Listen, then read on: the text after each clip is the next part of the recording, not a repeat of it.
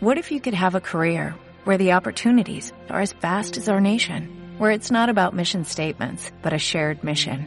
At U.S. Customs and Border Protection, we go beyond to protect more than borders, from ship to shore, air to ground, cities to local communities. CBP agents and officers are keeping people safe.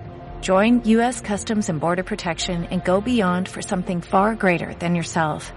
Learn more at cbp.gov/careers.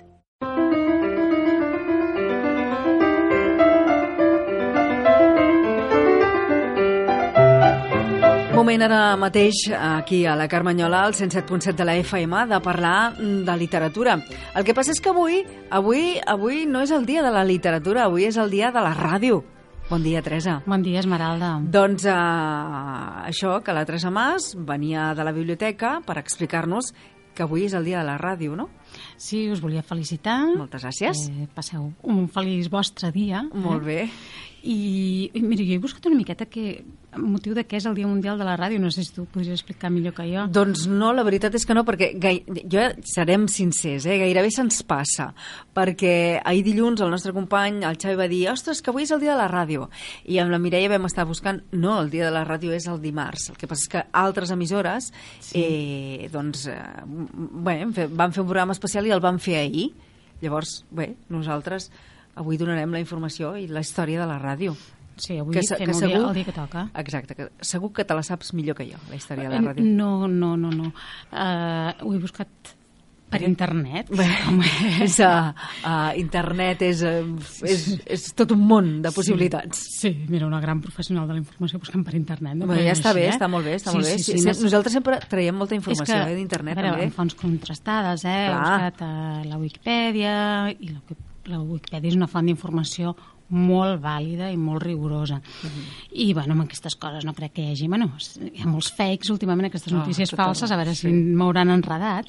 Però jo el que he trobat és que eh, eh, és una festa relativament recent, perquè és des del 2012, des del de, 18 de desembre del 2012, l'Assemblea General de les Nacions Unides va aprovar celebrar el 13 de febrer cada any com el dia de la ràdio. Uh -huh perquè és el dia que es va establir la ràdio de les Nacions Unides, a l'ONU, el 1946. En homenatge a aquesta ràdio de les, Nacions, Unides es va decidir això, però és això fa, fa sis anyets, no? Molt, fa, fa molt poc relativament temps. poc. Una festa nova. Uh mhm. -huh. I dic, doncs a veure com hi podem participar nosaltres. Molt bé. I a les, eh, tenim un mini expositor d'actualitat uh mhm. -huh. i hem posat tot de llibres sobre la ràdio. Per tant, podem dir que heu fet una exposició sobre sí. temes relacionats amb sí. la ràdio, molt bé. Una exposició petiteta, perquè tampoc no és que tinguem molt fons, ja.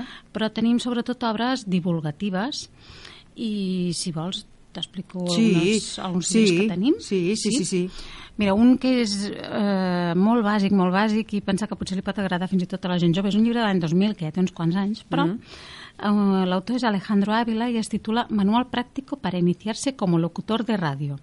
Regles, normes i tècniques de gran utilitat per a ser locutor de ràdio.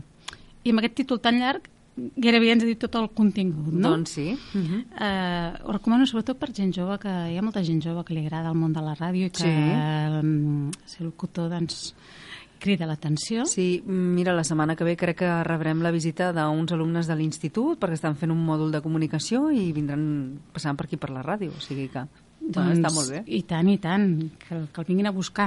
Mm, de fet, hi ha un, un altre llibre que tenim que es titula Què és la ràdio?, que és d'any 95, que és Ballet, que està escrit per tres periodistes, Tomeu Arbona, Tomàs Martínez i Alicia Molet, uh -huh i explica, jo penso que està molt, molt enfocat cap a secundària, així de l'època, recordo uns professors de l'institut que l'havien vingut a buscar, eh? Uh -huh. Hi ha una mica l'evolució de la ràdio, la història, els elements tècnics, com es fa un guió, eh, quin equip humà necessitem per, per fer un programa, els efectes sonors, i també hi ha propostes d'activitats. Ah, molt bé. És molt interessant aquest, eh?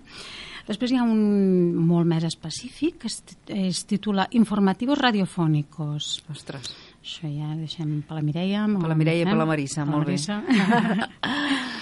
Així en plan ja més general, eh, en tenim un que és la història de la ràdio a Catalunya al segle XX i el subtítol és de la ràdio de Galena a la ràdio digital. És un llibre de la Rosa Franquet i és molt complet i hi ha un índex onomàstic que et pots buscar Justo Molinero i et surt a les pàgines que surt a ah, Basses o Cuní, no? per xafardejar. Uh, parlant de, de grans locutors, locutors el Josep Cuní, eh, tenim un llibre escrit per ell que es titula La ràdio que triomfa, abecedari d'això que en diem magazine.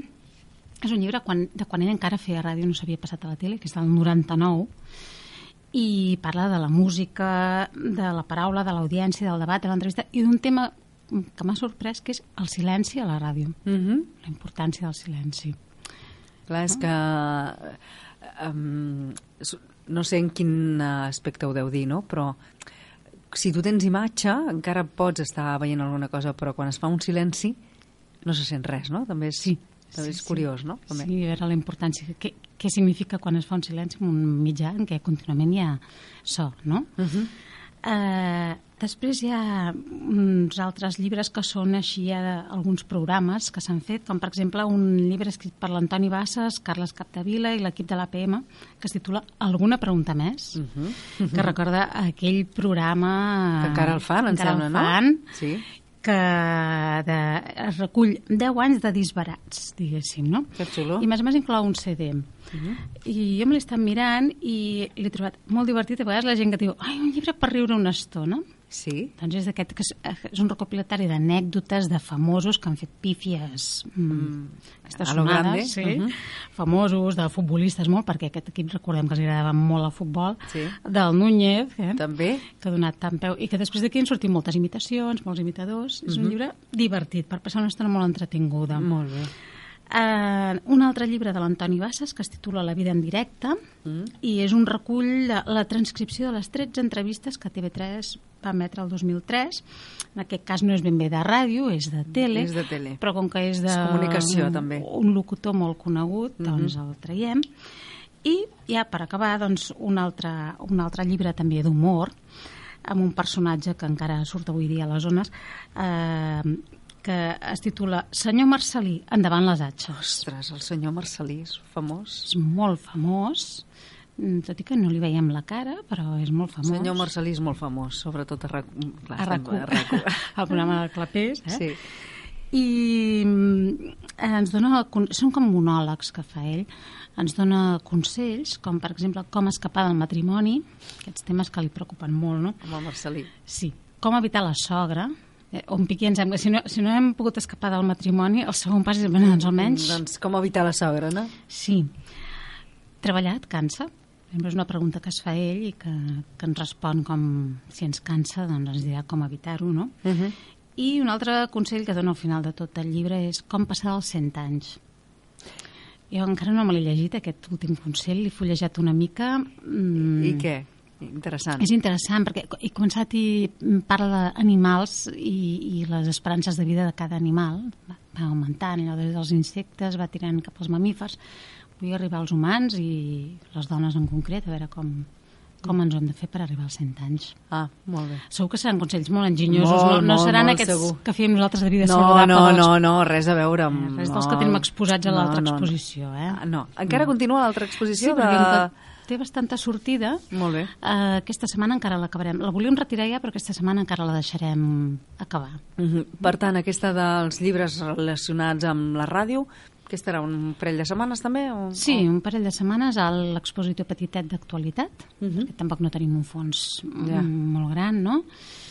I la setmana que ve doncs, renovarem l'exposició aquesta de vida saludable o, o ja veurem, o, o potser continua, eh? Mhm. La gent de Vilanova veig que està molt interessada en fer una vida saludable. Mm, Doncs és important, això. I tant. Teresa, ah, fins la setmana que ve. Fins la setmana que ve, adeu.